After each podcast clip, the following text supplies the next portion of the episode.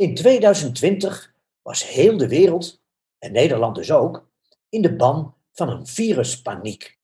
Heel Nederland? Nee.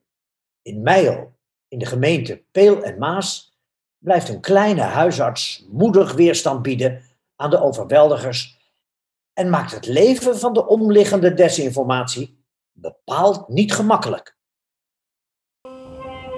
Welkom in de podcast. podcast. Ik ben Rico Brouwer en ik ben hier op uh, locatie in de wachtkamer van huisarts Rob Elens.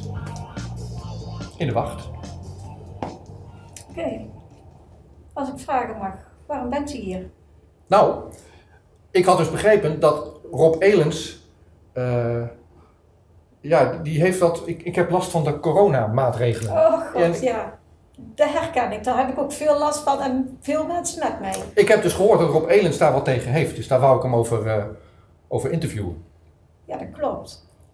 Uh, dokter Elens heeft er een of andere medicijn voor. Nee, dat mag je niet zeggen. Dat mag je niet zeggen. Als je dat, dat, dan wordt dit van YouTube gewist. Okay, daar heeft hij een rechtszaak over. Dat, dat ga ik ook vragen. Hij, hij, zit nu te wachten op de uitspraak. Dus uh, nee, wat, wat, wat hij daar ook tegen heeft is ja, transparantie vrije informatie. Nou, daar ga ik hem over, over interviewen. Oké, okay, interessant. Ja. Leuk. Dus daar wachten we op. Oké, okay, het, is u, het is uw huisarts, begrijp ik? Ja. ja. Bof komt ik, hè? Ja, nou ja, ik ken hem nog niet persoonlijk. Maar, Meneer Brouwer? Ja. Nou, ja. tot een andere keer. Ja, Deze kant op. Ja. Zo, meneer Brouwer, zegt u het maar. ja, dit was maar een spelletje van ja, ja, ja, ja, ja. Maar uh, ja, mijn plan is dat eerste stukje met die mevrouw in de wachtkamer, ja, ja dat, dat is niet gevaarlijk voor YouTube, zeg teaser, maar. Teaser, teaser, ja. Ja, teaser, ja. En dan dit, wat we nu gaan doen, ga ik misschien ook wel op YouTube. Maar misschien laat ik het afhangen van de uitspraak van je rechtszaak. Ja, precies, ja. Nou, er zijn meer platforms, hè. Dus ik weet niet, ik heb mij laten vertellen dat als jij het op Vimeo zet en je betaalt ervoor, dan blijft het gewoon altijd staan. Ja. Klopt dat? Nou, ja, altijd. We dachten eerst ook dat YouTube niet censureerde. YouTube heeft in zijn... Ja, ja, jij hebt die rechtszaak gevoerd. Voor de mensen moeten we dat dan uitleggen. Maar ja, YouTube ja, heeft goed. Het rare is natuurlijk dat, dat zeg maar... Ik, ik volg Chris Martensen. Hè, dat is een dokter in Amerika. Peak Prosperity. En die analyseert alle behandelingen, alle ontwikkelingen van alle geneesmiddelen tegen COVID en, en gebeurtenissen. En, uh, en al die filmpjes die blijven gewoon allemaal staan. Ja. Huh? Maar die heeft het ook over hydroxychloroquine en die heeft het ook over uh, ivermectine. Ja, maar het is willekeur. Het is willekeur. Alleen in de gebruiksvoorwaarden van YouTube, van Google, YouTube staat... als je iets zegt wat niet in lijn is met de World Health Organization... en afgeleid daarvan het RIVM, ja. dan, dan hou je je niet aan de afspraken. Ja, dan krijg je dus een... Uh, en dan kunnen ze je dus wissen. Dat is jou, jou gebeurd. Ja. En jij verwacht vandaag een uitspraak in je kort geding. Ja. Toen je zei, ik wil mijn filmpje, of met Ab Gietelink je interviewen, ja. ik wil het filmpje terug. Ja, dus dat is nog, ik heb nog, geen, nog niks binnen, nee. Nee, nou, ik ben hier bij jou te gast, dankjewel. Ja. Ja. En ik wil ook echt, ik, bedoel, ik, ik heb geen corona gehad, geloof ik. Ik ben nee. in ieder geval niet getest. Nee. En jij bent in het nieuws ja. als, als huisarts. En nou, dit is een patiënt-huisartsgesprek. Ik ben echt gewoon benieuwd. Ik heb een aantal ja. vragen verzameld. Ja. En stel, ik heb symptomen. Ja. En ik meld me bij mijn huisarts. Nou, jij bent niet mijn huis, huis Ja. maar wat zijn dan mijn opties en wat zijn jouw opties als arts? Ik heb, kom met een kuchje binnen. Ja. Wat doe je dan? Testen. PCR-test. Ik doe zelf testen. Dus ik stuur, heel veel collega's sturen mensen naar de GGD. Maar ik test zelf. hè. Dus ik, eh, dat kost geld. hè, Want zo'n test kost 110 euro of zo. En dan gaat hij naar het lab en binnen, eh, binnen één dag heb ik dan een uitslag. En uh, dus dat is dus zeg maar wat ik anders doe, denk ik, dan uh, de meeste huisartsen. Maar ik kan me niet, uh, zeg maar, kan me niet indenken dat ik de enige ben die zelf testen doet. Hè? Want je wil graag zelf gewoon controle hebben over je patiënten en niet afhankelijk zijn van andere instanties. Hè? Dus ik heb een goed lab en dat is een, een snel. En mensen willen het ook snel weten.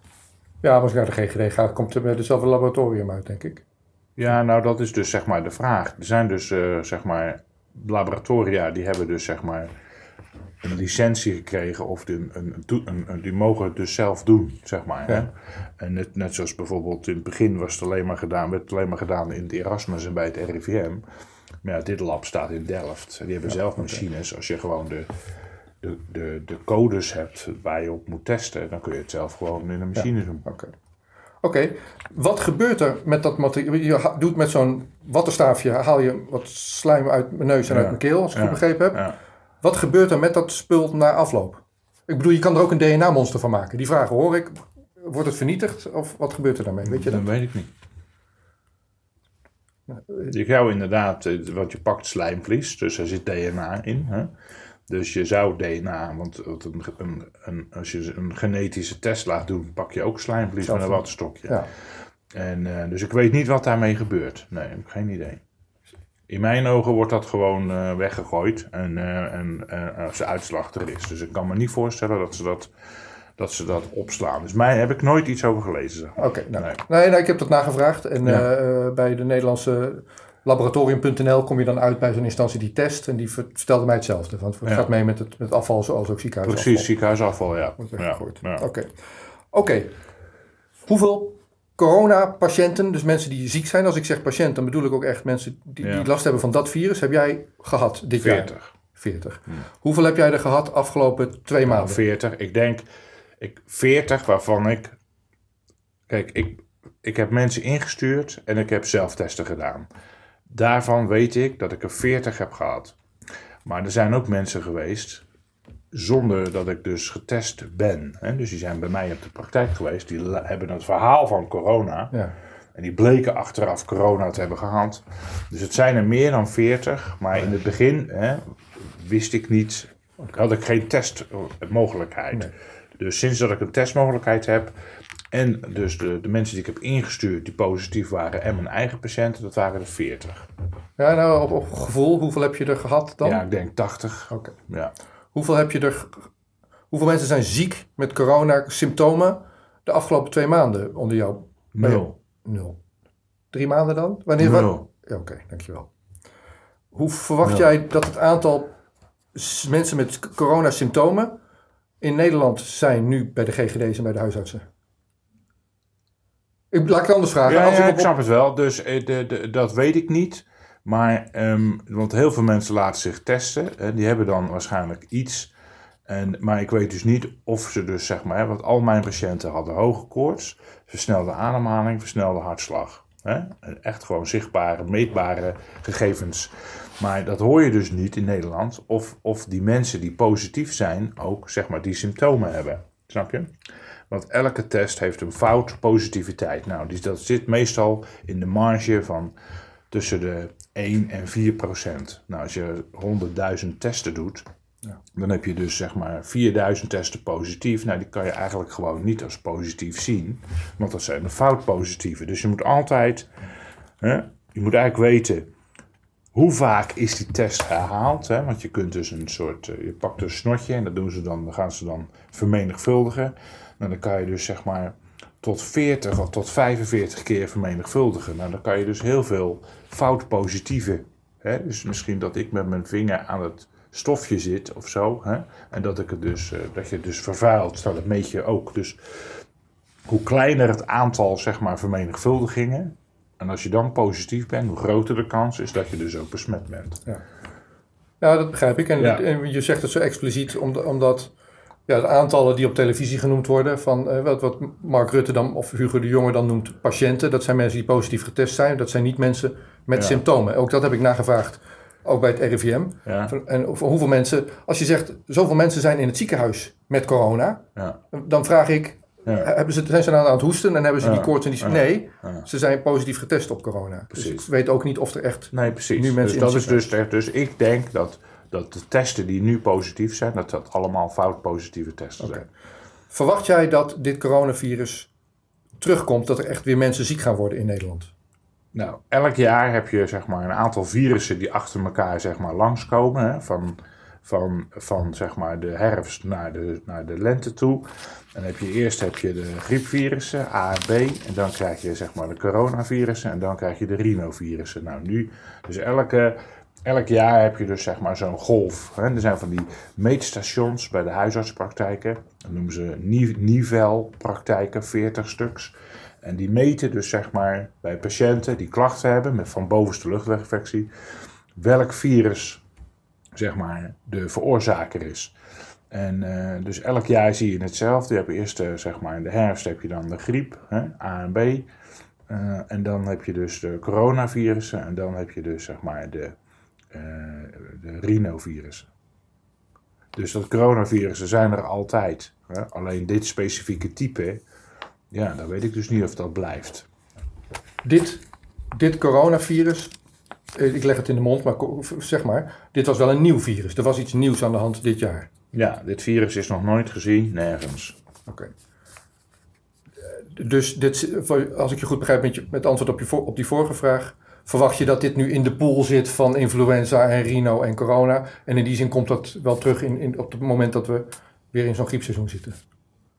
Nou, ik denk, kijk, elk virus muteert. Hè? Dus virussen die blijven en die komen en zo. En, en dus dat, dit kan natuurlijk gewoon, ja, dit is een nieuw virus. Hè?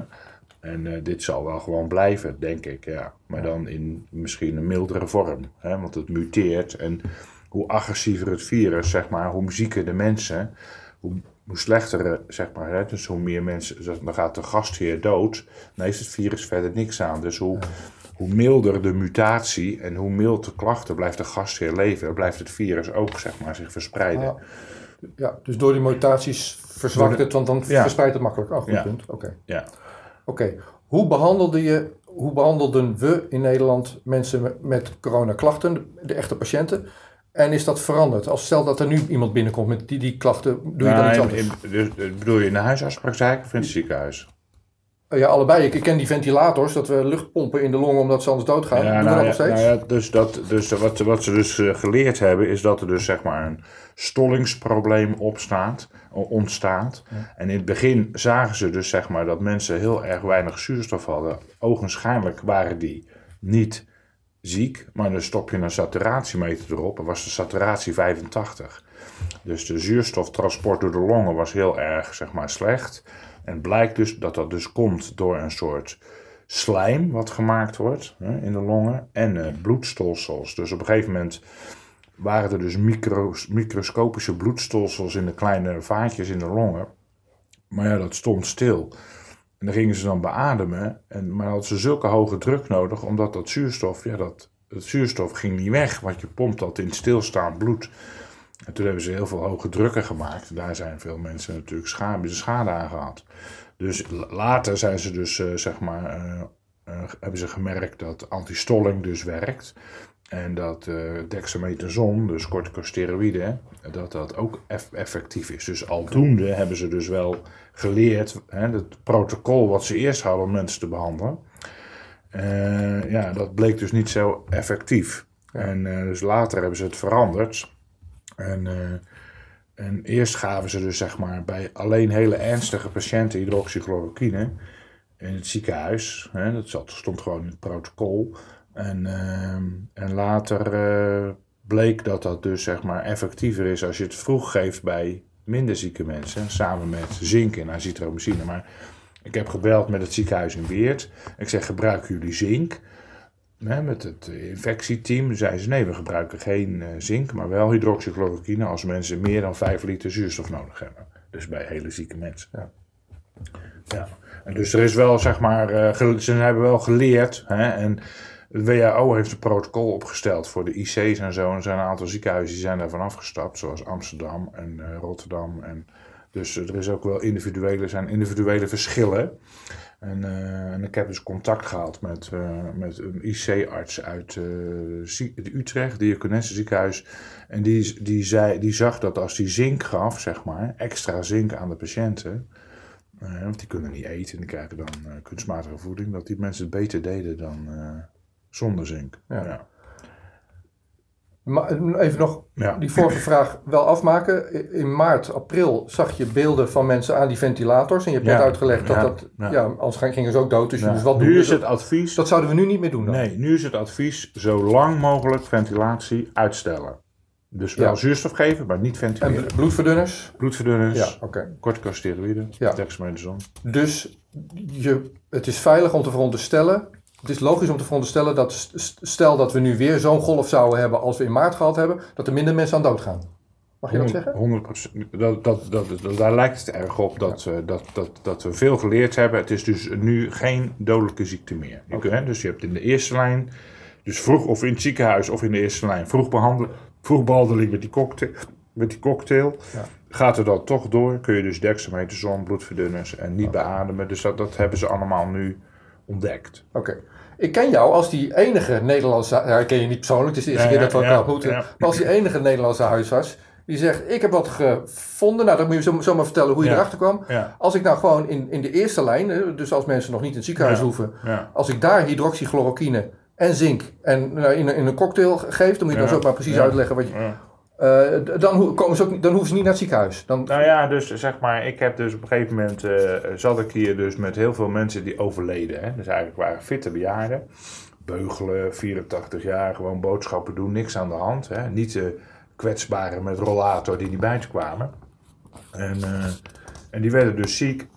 en, en die, ja, op een gegeven moment werden die zieker en hoge koorts, snelle hartslag, lage saturatie ingestuurd. En ja, en er ging één op de twee die ik had ingestuurd, die overleed binnen twee tot drie dagen. En eh, dat had ik nog nooit meegemaakt. Dus ik denk, eh, wat, is er aan de hand? Op een gegeven moment ziekenhuis vol.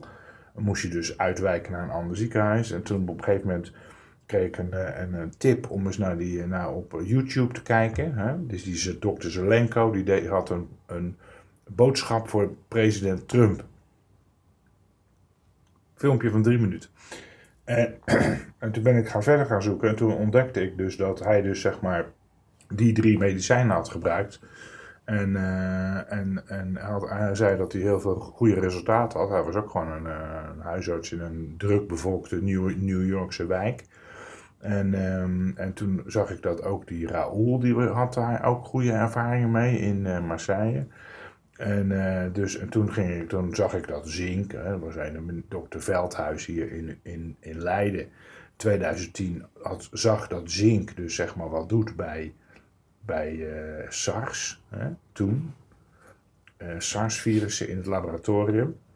En zo zoek je een beetje door. Hè. Ja, tegenwoordig is natuurlijk, heeft iedereen vanaf zijn mobiel en de computer gewoon het hele medische zeg maar, bibliotheek tot zijn beschikking.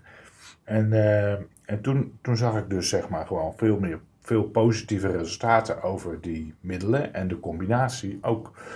En, eh, en, en, en eh, dus toen ben ik dus zeg maar gaan naar de, ben ik naar de apotheek geweest en heb ik gevraagd van hebben wij hydroxychloroquine? Nou, dat klopt. We hebben azithromycine natuurlijk en eh, we hebben zink-orotaat besteld dan, omdat het het beste opgenomen wordt. En heb ik dus als het ware die testen geregeld, zodat ik dus nu een optie had. Konden mensen kiezen, paracetamol, ziekenhuis of deze cocktail. Nou, die keuze heb ik zeg maar voorgelegd aan de, aan de mensen. En eh, ja, er waren dus een, een hoop mensen die wilden dat wel proberen. Nou, dan had ik er dus tien, eh, tien hadden dat genomen. Tien waren binnen vier dagen waren ze zeg maar allemaal enorm opgeknapt. Dus ik vond het wel een fijne constatering. Hè? Want je weet ook niet wat er gaat gebeuren natuurlijk. Hè, als je voor het eerst zoiets geeft. En, eh, maar goed, dus het, eh, het lijkt dus eh, te werken. Hè? En dan, tegenstanders die zeggen, ach ja, dat is natuurlijk zo'n dorpsdokter, die weet niks van wetenschap. En dat kan net zo goed, mensen het kunnen ook allemaal spontaan genezen. En, Is ook zo. Is ook zo, hè. Maar ja, weet je, als ik naar het casino ga en, eh, hè, en, het is, eh, eh, en, en, ik ga kijken tien keer rood, dat kan, hè. Die kan, dat kan gebeuren, maar de kans is heel klein. Dus ik denk, persoonlijk geloof ik niet dat, dit, dat deze mensen genezen zijn met toeval, maar die zijn genezen doordat de medicijnen iets hebben gedaan met dat virus. Nou heb ik, ik heb twee vragen naar jou al- als huisarts Ja. in, in jouw vak. En dan moet ik eerst iets, dat ga ik dan zo doen. Eerst Ja. een andere vraag. Een huisarts zijn is een beschermd beroep. Ja. Ik bedoel, ik mag van alles worden als ik dat wil, schi- Ja. schilder of, Ja. of eh, maar huisarts is een beschermd beroep. Dan ben je geregistreerd aan het Big, ja. BIG-register. Ja. En dan kan je ook weer uitgekikt worden als je het niet goed doet. ja. Dus dat hangt een beetje boven de markt. Als je werk niet goed doet, dan ben je huisarts af. Mhm. En ehm, Nou, Is- Beer, Beer, je, hebt eh, zijn registratie als huisarts. Hè. Je, moet, je moet elke vijf jaar moet je dus zeg maar 200 uur nascholen en allerlei zeg maar, eh, activiteiten doen om dus zeg maar, je titel te blijven houden. Dus dat is een soort eh continue eh, opleiding en eh, intervisie en eh, dienst doen. Hè? Dus je moet wel weten wat het vak inhoudt. En dan krijg je weer voor vijf jaar je diploma. Ja, nou, dat wil ik maar zeggen. En dat geldt voor jou. Jij bent zo'n Ja. huisarts. Ja. Of je nou in een klein dorp woont of in een grote Maakt stad. niet uit. Nee, ik ben gewoon geregistreerd huisarts. Ja. Is het de bedoeling in Nederland dat als er een nieuwe ziekte is, zoals die coronavirus of deze coronavariant, dat huisartsen dan met z'n allen ook gewoon nadenken over eh, alternatieve behandelmethoden? Of is het de bedoeling dat ze zich houden aan, aan de Ja, voorgeschreven... ja dus de- omdat het een nieuw virus was. eh, dus je, hebt, je hebt het Nederlandse huisartsgenootschap. Nou, dat zitten allemaal eh, knappe dokters die, die alle literatuur bij elkaar houden en zo. En die maken allemaal standaarden. Dat gaat vrij traag. Hè? Maar elke vijf jaar komt er een nieuwe standaard. Dit is natuurlijk een nieuw virus. Dus ze hebben wel een soort kenniscentrum opgezet, zeg maar. Net zoals in het ziekenhuis, over dat coronavirus. En eh, dus daar, daar, dat, die krijgen dan, elke huisarts krijgt dan een update. Hè? En dan wordt daar dus geadviseerd van over antistolling of over eh, therapieën of iets wel werkt of iets niet werkt en zo.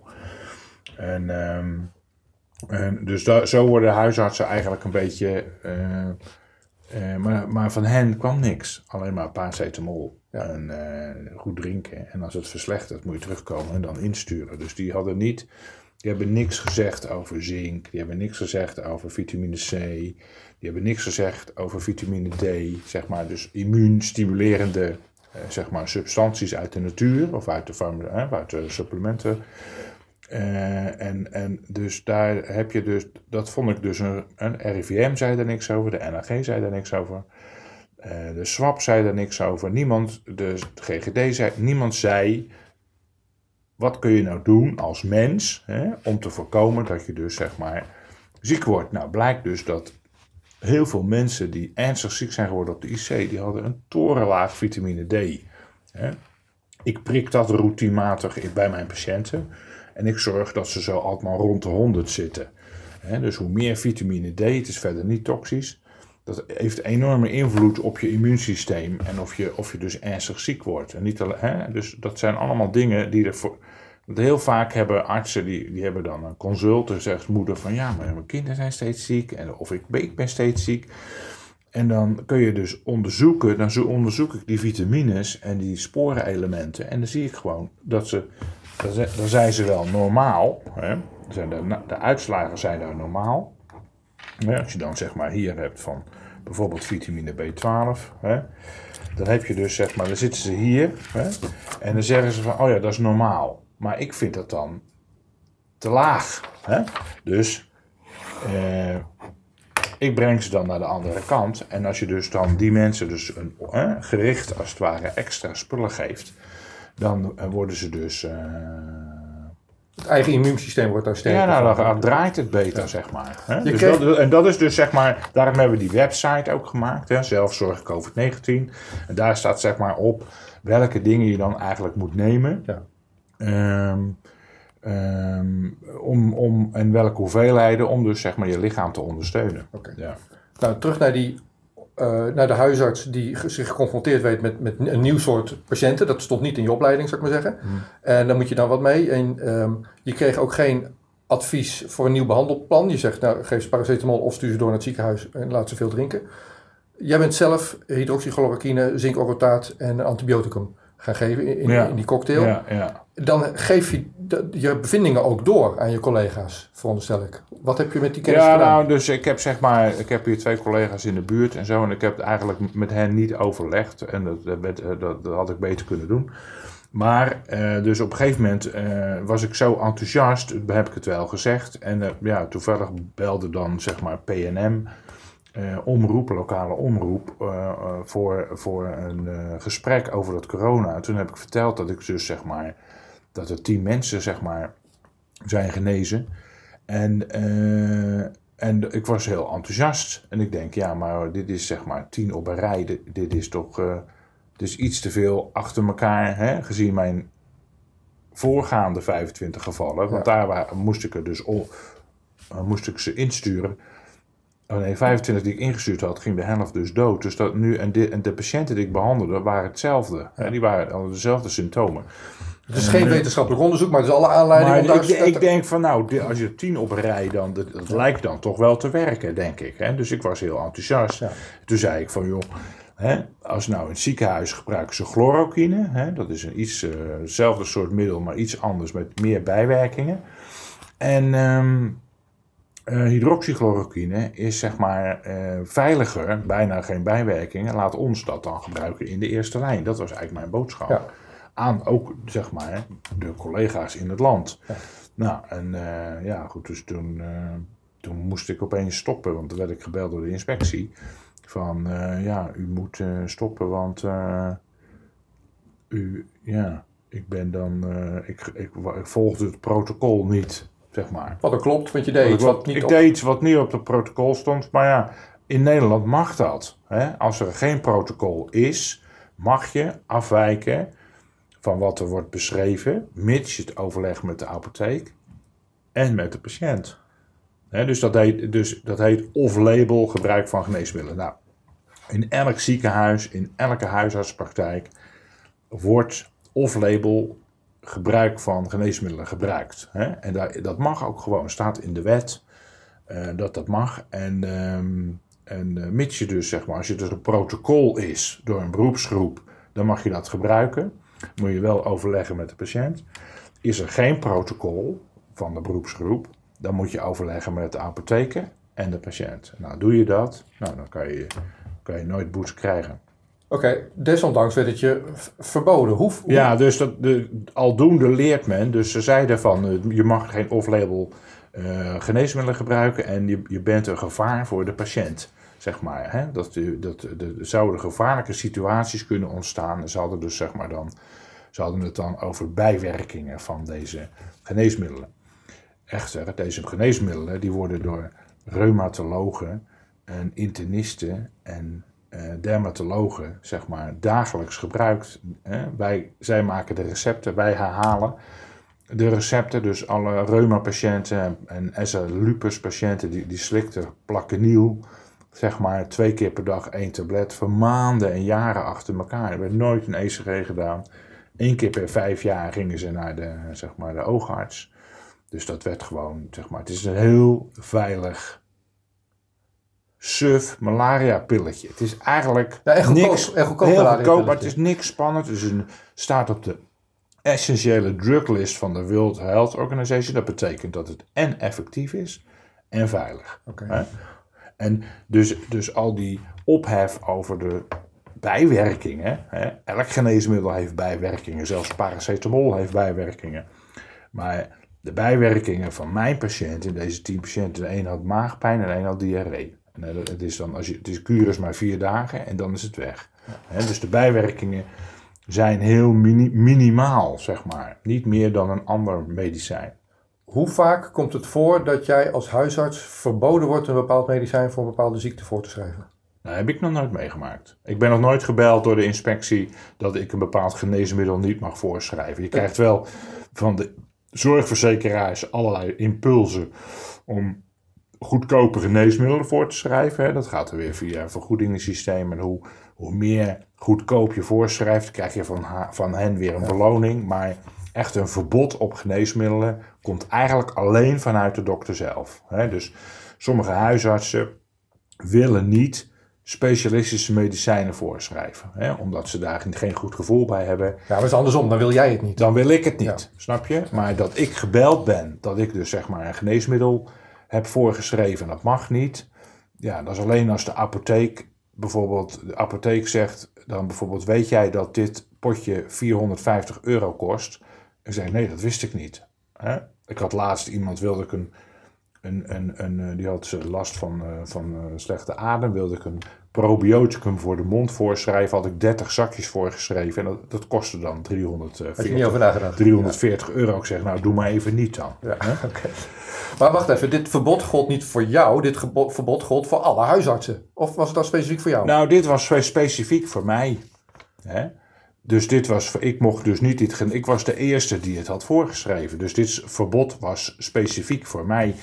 En ehm, de NAG, hè, wat dus eigenlijk de richtlijnen maakt, hè, dat coronateam maakte dan de richtlijnen. En die zei dat er dus zeg maar eh, onvoldoende wetenschappelijk bewijs is dat hydroxychloroquine werkt. En ze hebben, onlangs hebben ze dan een soort eh, eh, rapid review uitgebracht, waarin ze dan zeg maar gekeken hebben naar deze cocktail en nog steeds vinden ze dat het niet werkt.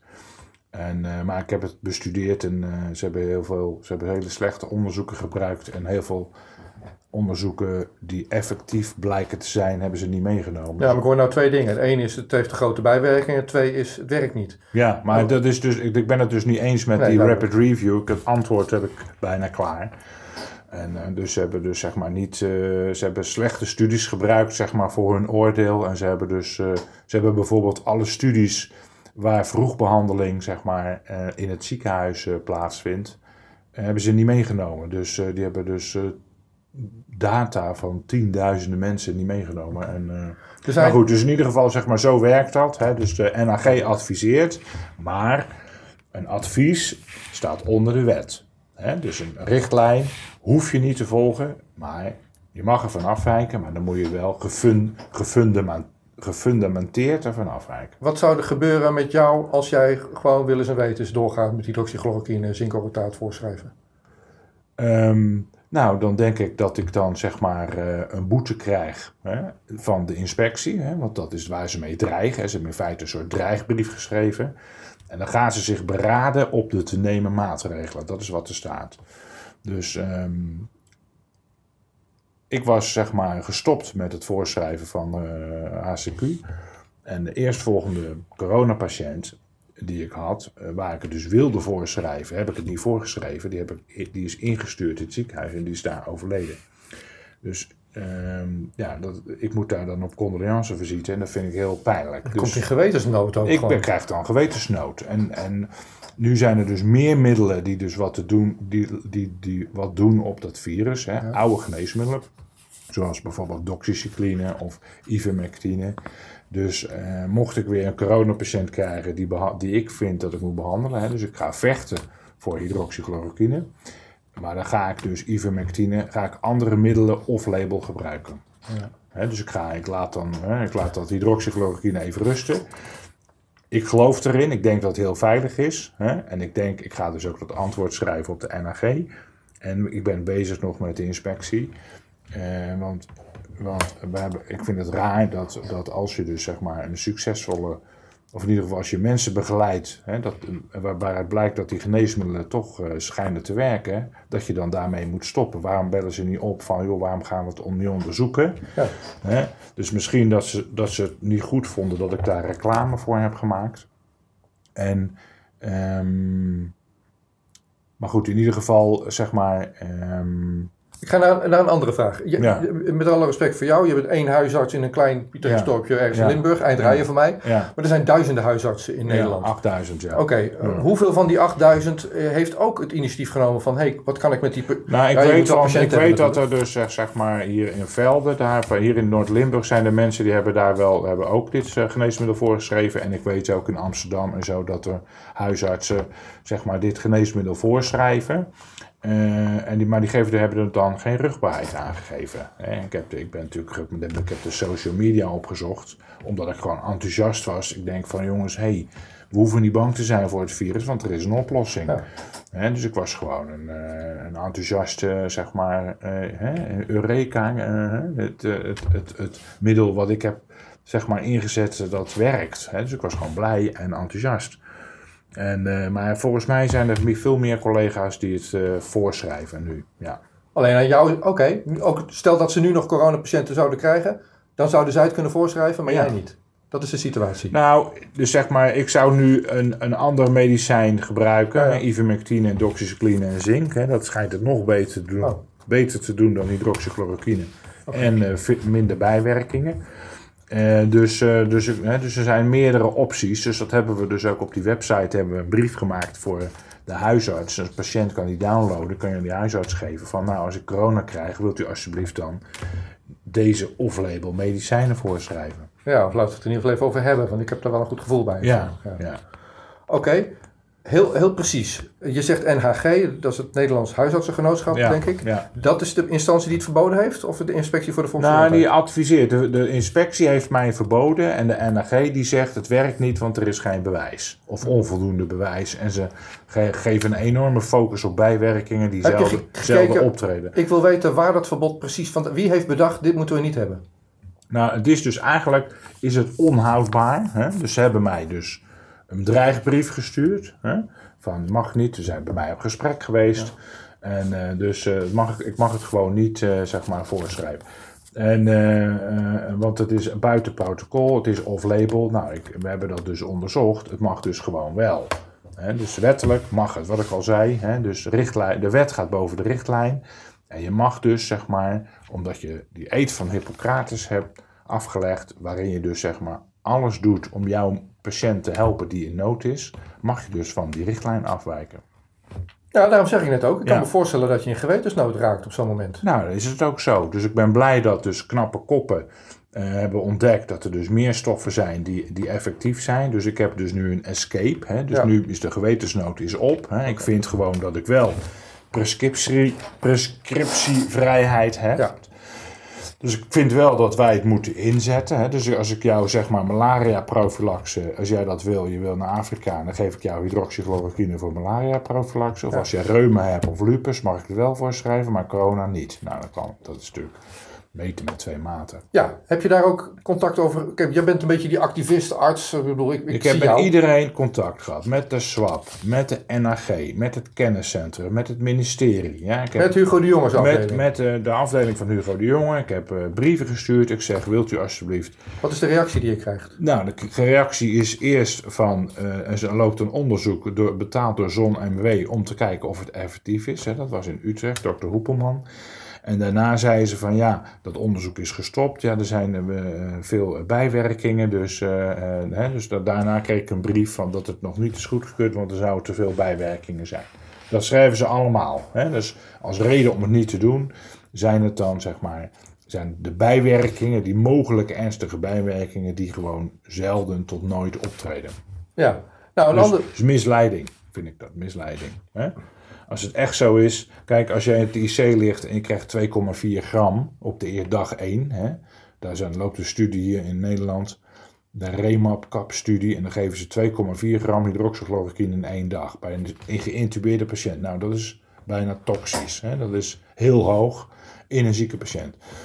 En, eh, en, ehm, eh, maar deze, deze 12 tabletjes die je van mij krijgt, ja, er gebeurt bijna niks. Snap je? je Lage dosis. een hele lage dosis, heel kort. Nou, je krijgt misschien een beetje maagpijn je krijgt misschien een dag diarree en dat is het dan. Ja, je bent af van je corona. Oké, Ja. duidelijk. Oké, een ander punt wat ik met jou wilde eh, bespreken, wat ik aan je wilde vragen. En we gaan zo naar Hugo de Jonge en zijn vaccins, maar eerst een andere vraag. Hoe effectief zijn volgens jou als officiële huisarts vaccins voor andere corona-achtige virussen of influenzavirussen of rhinovirussen? Hebben we vaccins en hoe goed werken ze? Nou, we hebben natuurlijk elk jaar een griepvaccin. Hè, en daar pakken ze vier virussen en dat stoppen ze dan in het vaccin, of stukjes daarvan. En dan, dan hoop je maar dat, dat een van die vier virussen bij ons dus zeg maar langskomt. En dan heb je ja. dus zeg maar bescherming, maar de, de number needed to vaccinate, hè, dus zeg maar hoeveel mensen moet ik vaccineren om er bij één zeg maar een ernstige longinfectie te voorkomen, ja, dat is vrij hoog, dat is 30 tot 70 of zelfs 100. Dus, eh, dus, eh, en het nadeel van de griepvaccinatie is, eh, is dat je dus weer meer last krijgt van coronavirussen. Ze hebben bij leger, bij soldaten hebben ze gezien dat ze 36% meer kans kregen om last te krijgen van coronavirussen als ze gevaccineerd waren tegen de griep. Kan dat? Hoe kan dat? Dat komt omdat dat griepvirus is gemaakt op hondencellen. En die hondencellen bevatten coronavirussen. Dus het lichaam wordt geprimed tegen coronavirusmateriaal wat in, die, in dat vaccin zit. Dus je krijgt een soort shot. En als dat echte coronavirus binnenkomt, krijg je dus meer een reactie van het immuunsysteem. En krijgen ze daar dus last van. Dus dat is een, noemen ze dan virusinterferentie. Had ik ook nog nooit van gehoord. Maar dus, de, dus de, er is altijd natuurlijk een hoop te doen geweest over de griepvaccinatie. Hè? Dus er komt binnenkort een boek uit van Dick Bijl over die, die griepvaccinatie. En hij zegt eh, dat het dus zeg maar gewoon bijna niet werkt. Eh, dus het is een, eh, het is eh, zeg maar gewoon de, de wetenschap waarop, waarop het is zeg maar goedgekeurd is zeg maar zeer, Beetje dun. Beetje dun, om het zo maar te zeggen. Dan heb ik te maken met een minister van Volksgezondheid, Hugo de Jonge, die, die daar volop in zit. Van nou, we gaan, we gaan pas weer terug naar eh, iets ja, van normaal. Ja, dat zag ik ja. Als het, ja, nou, hij zegt het elke week, dus het, dat, Ja. dat kan je niet ontgaan zijn. Nee. Nou, zeg maar, wat, wat, wat- hoe komt dat op jou over dan? Nou ja, goed, dus eh, hij, hij laat dus zeg maar geen mogelijkheid voor andere behandelingen. Die bijvoorbeeld de zuidenburen, die hebben gewoon wel in hun ziekenhuizen deze cocktail gebruikt. En die zeggen gewoon dat het werkt. België in bedoel je? België, ja. En in Nederland mag dat dus niet. En wij worden dus, zeg maar, moeten dus zeg maar alle maatregelen volhouden totdat het vaccin er is. Maar ja, ik, eh, ik, ik, ik vraag me dan af van hoe kun je nou in zo'n korte tijd zo'n vaccin maken? Dat duurt normaal vijf tot tien jaar voordat je weet wat erbij, eh, hoeveel je moet spuiten. Hè. Ik ben reizigers, eh, zeg maar, vaccinatiepraktijk. Gele koorts is zeker in de tien jaar. Hepatitis A heeft zijn eigen schema. Hepatitis B heeft zijn eigen schema. Eh, de, de- hoe heet het? allerlei virussen die in, in, in teken kunnen zitten hebben een eigen schema. Dus je, hebt, je, hebt, je hebt elk vaccin heeft zijn eigen schema. Voordat je dat weet, hè, is, dat, is dat zeg maar. Dan moet je onderzoeken en prikken en kijken en meten. Dus ik vind het allemaal een beetje snel door de bocht om daar dus al zeg maar een miljard euro aan eh, te betalen aan al die vaccins. Terwijl het in feite zeg maar helemaal niet het killervirus is gebleken eh, waar wij voor zijn gewaarschuwd. Dus de eh, hoeveelheid mensen die, die eraan zijn overleden eh, is eh, zeg maar, vergelijkbaar met een flinke eh, griepepidemie. Snap Het praat wel rustig nu. Hè? Kijk, als ik dit op YouTube zou zetten, dan, dan, dan wordt dat waarschijnlijk, dan is dat in strijd met de gebruiksvoorwaarden, wordt het gewist. Ja. Nu we dat dan niet hebben en op de andere kanalen, Ja. BitChute, TrueTube, Ja, eh, ja, ja. dan kan je gewoon vrijheid praten. Dat is, wel, weer- dat is wel mooi, ja. dat is wel maar het mooi. is wel, zeg maar, hè, dus, ik, ik, dus de vaccinaties, kijk, wij geven ook de vaccinaties. Wij nodigen 950 mensen uit. Minder dan de helft komt niet. Hè? Want die zeggen, ik word ziek van die prik. Ja. Nou ja, dat kan. Dus dat is nu, inmiddels heb ik daar ook veel over gelezen. Ja, dat is dus gewoon een. eh, een ehm, eh, dat is dus zeg maar gewoon een. ehm, een feit, weet je. Dus, dus, dus de, je verkleint de kans, maar je hebt heel veel. Ja, als ik 400, als ik dus zeg maar, dan, als ik er dan 450 vaccineer, dan, eh, dan, dan, dan, dan zeg maar, hebben dus als het ware ehm, zes mensen baat. Ja, en, en een aantal mensen hebben er ook klachten van. En de meeste mensen hebben er klachten van, zes mensen hebben er baat. Hè? Dus de- als je Ja. uitgaat van de number needed to vaccinate van 70, nou, dan heb je dus 450. Nou, dan zit je dus op eh, zeg maar zes, zeven patiënten die baat hebben van die, van die griepprik, die dus bij een infectie wordt voorkomen. En dus, eh, dat, dus die 454, als je er 460 hebt, die krijgen die griepprik voor niks. Ja, oké. Een, een- een- ik weet niet of, of jij er iets van kan zeggen, maar in ieder geval, ik, Maar en voor rhinovirus en coronavirus is geen vaccin. Nee, dit zou het eerste vaccin zijn voor dier- bij de coronavirus. dieren wel. Hè. Bij coronavirussen zijn bij de dierenartsen bekende ziekteveroorzakers. Hè. Dus daar zijn vaccins. Oh. Voor de kalveren. Ja. Ja, lammetje, ja. Een, een, een zijstapje. Ehm, ik, ik zag dat de financiering van de World Health Organization is veranderd de afgelopen maanden. De grootste financier, de Verenigde Staten, is gestopt. Trump vond het niet meer leuk. Dus Nee. daar gaat geen geld meer heen. Nee. En een van de grootste financiers, particuliere Bill Gates, heeft zijn donaties aansluitend verhoogd. Mhm. Eh, wat moet ik. Vind jij daar iets van? Of zullen we dit onderwerp. eh, Ja, nou, daar vind ik wel het gaat me erom dat het de- RIVM eh, heeft ook een. Die luistert Kijk, daarnaar. Nee, dat begrijp ik. Dus, dus, dus, de, dus als je het hebt over dat echtpaar, dat zit, er zit verweven met een tiental, zeg maar, tientallen bedrijven, hè, die dus zeg maar geld krijgen van hun foundation of hun trust. En, eh, en dat, dat, dat gaat van universiteiten tot mediabedrijven tot eh, vaccin, eh, zeg maar, clubs, de Gavi en Global Preparedness for eh, Pandemic Response. Nou, allemaal illustere clubs. Krijgen allemaal geld van de B- Bill. En, en hij is er dus ook gewoon voorstander van om, eh, om ons allemaal te vaccineren. Ja. En dus hij, is een, eh, hij steekt dat ook niet onder stoelen en banken. En hij zegt gewoon, ja, wij, Hè, daar, daar, daar. Maar goed, hij is ook gewoon een zakenman. Hè, dus hij, hij verdient er ook geld aan. Hè, dus het is, hij heeft een dubbele pet op. Maar hij zegt eh, ja, op verschillende, zeg maar. eh, Nou ja, zijn boodschap, wat hij zegt, is precies hetzelfde als Hugo de Jonge. Namelijk, eh, we moeten echt iedereen vaccineren. Iedereen moet gevaccineerd worden. En word ik uh, een beetje groot voorstander van. Ja, ik, ik ben er ook. Kijk, als het nou... Hè, ik ben geen antivaxer. Ik heb tetanus gezien hè, in Afrika. En ik heb, ik heb de mazelen gezien en zo en dat soort zaken. En, maar die... eh, dus ik, ik zie heus wel het nut van vaccinaties. Maar deze, dit vaccin, dit, dit wordt dus een ander vaccin. Hè. Normaal gesproken heb je een stukje virus, dat spuit je in. En het lichaam gaat antilichamen maken tegen dat stukje virus. Dus daarom ben je beschermd. Maar wat ik nu begrijp, is dat ze dus zeg maar een stukje DNA.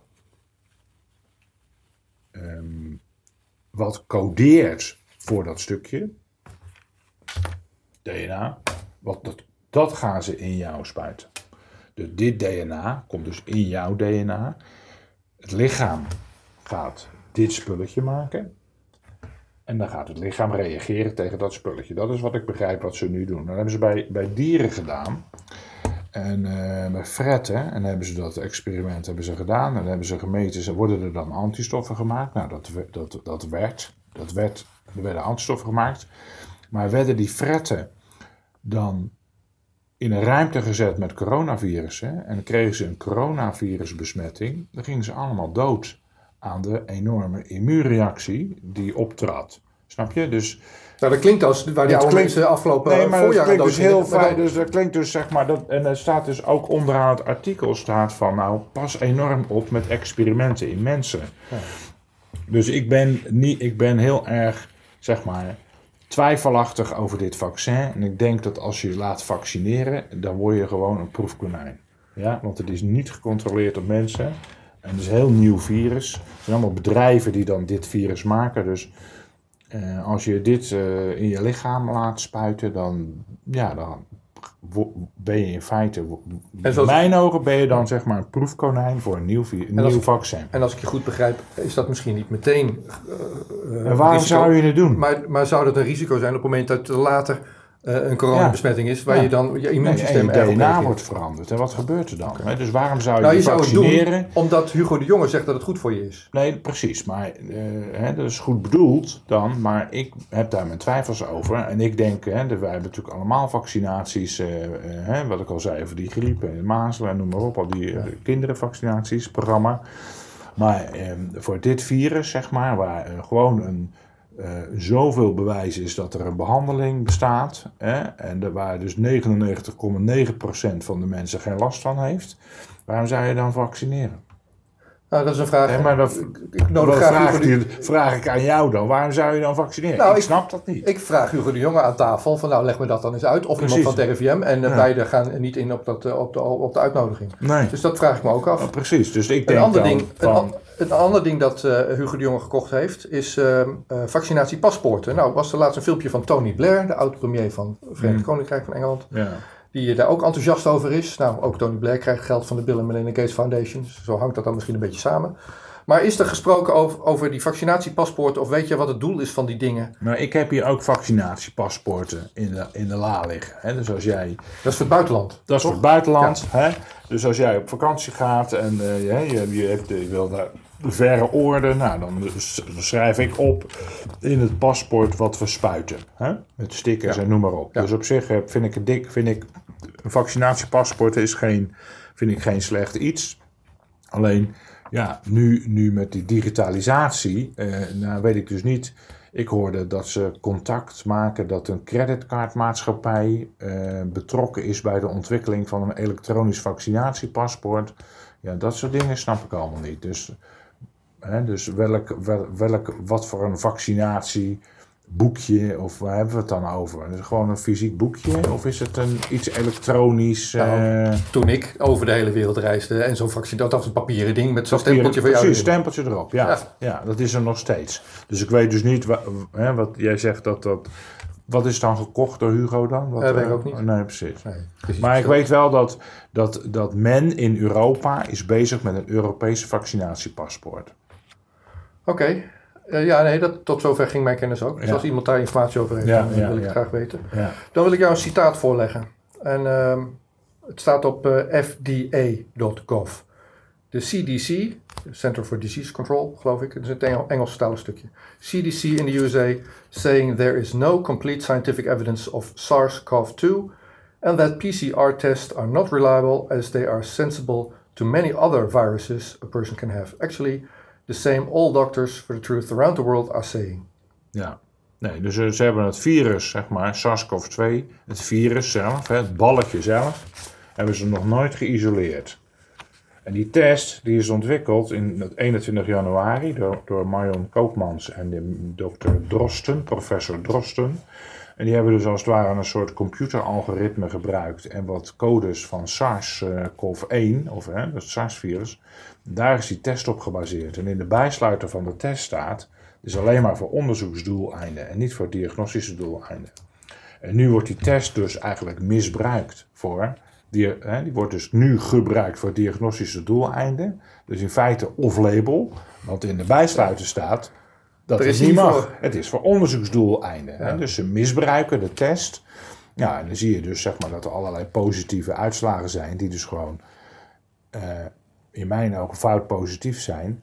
En, en, eh, maar ik lees dus ook verontrustende berichten, vind ik verontrustend, dat ze het virus zelf hè, nog nooit hebben geïsoleerd. En je hebt Kochs postulaten, dat betekent dat als een bacterie bij mij binnenkomt, geeft dat de ziekte. En als die bacterie bij jou binnenkomt, geeft hij dezelfde ziekte. Dan weet je, hij veroorzaakt die ziekte. Is nooit, zeg maar, heb ik nooit, is nooit beschreven in de wetenschappelijke literatuur dat dat virus is geïsoleerd.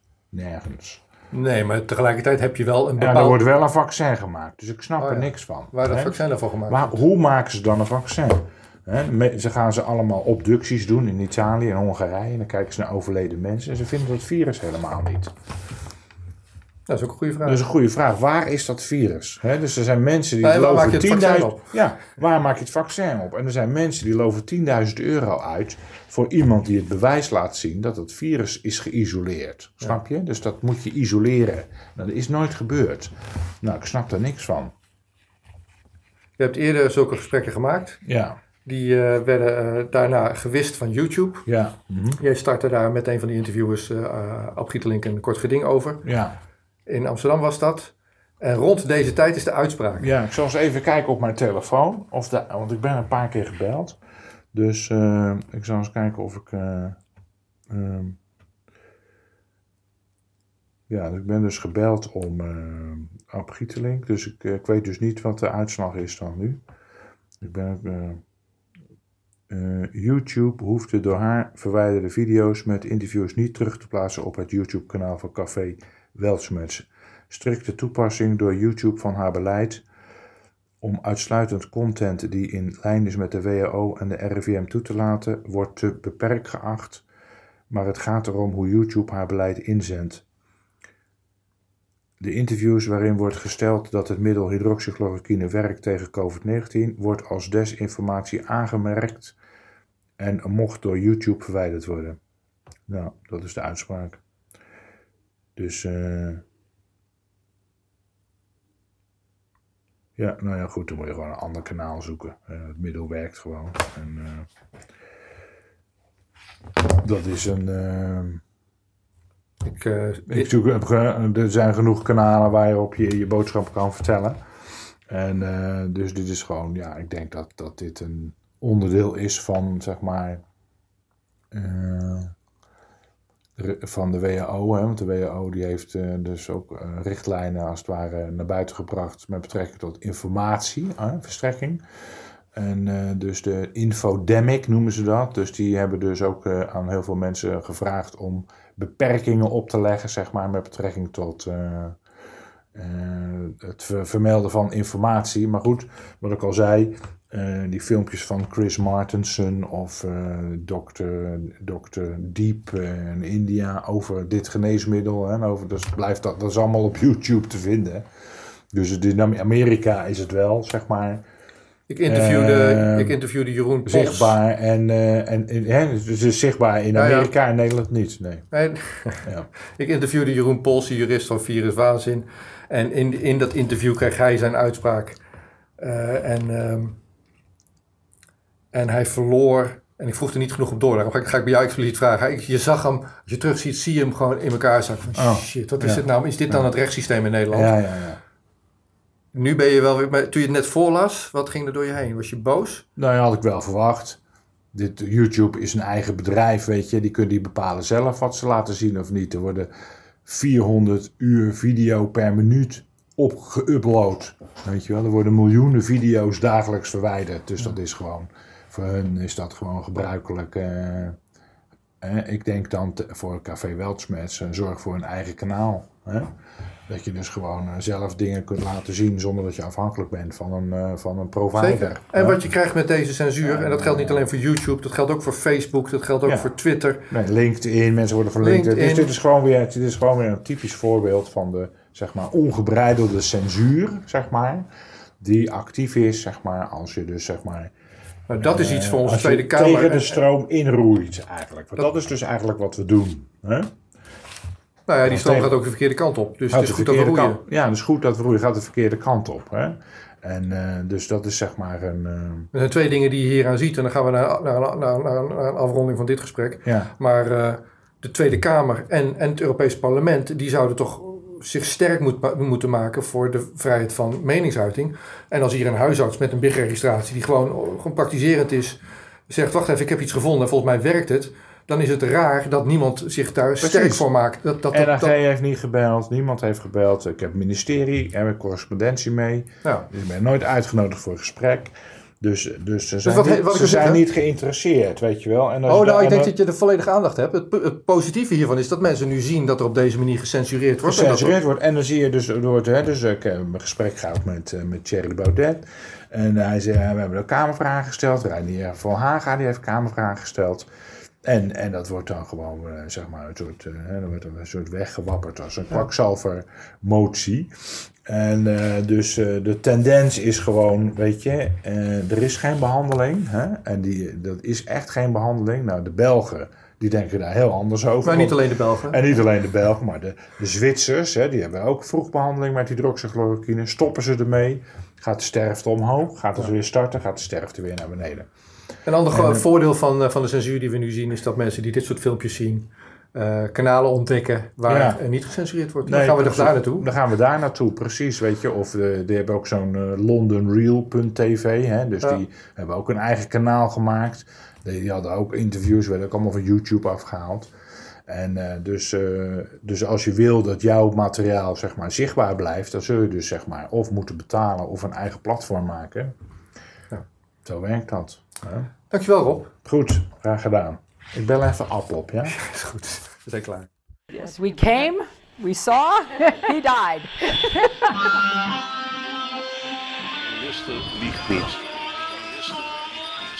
Every nation in every region now has a decision to make. Decision to make. Decision to make. You think I'm joking? Predator drones. You will never see it coming. Laat staan dat ik eh, kan ingaan over vuur.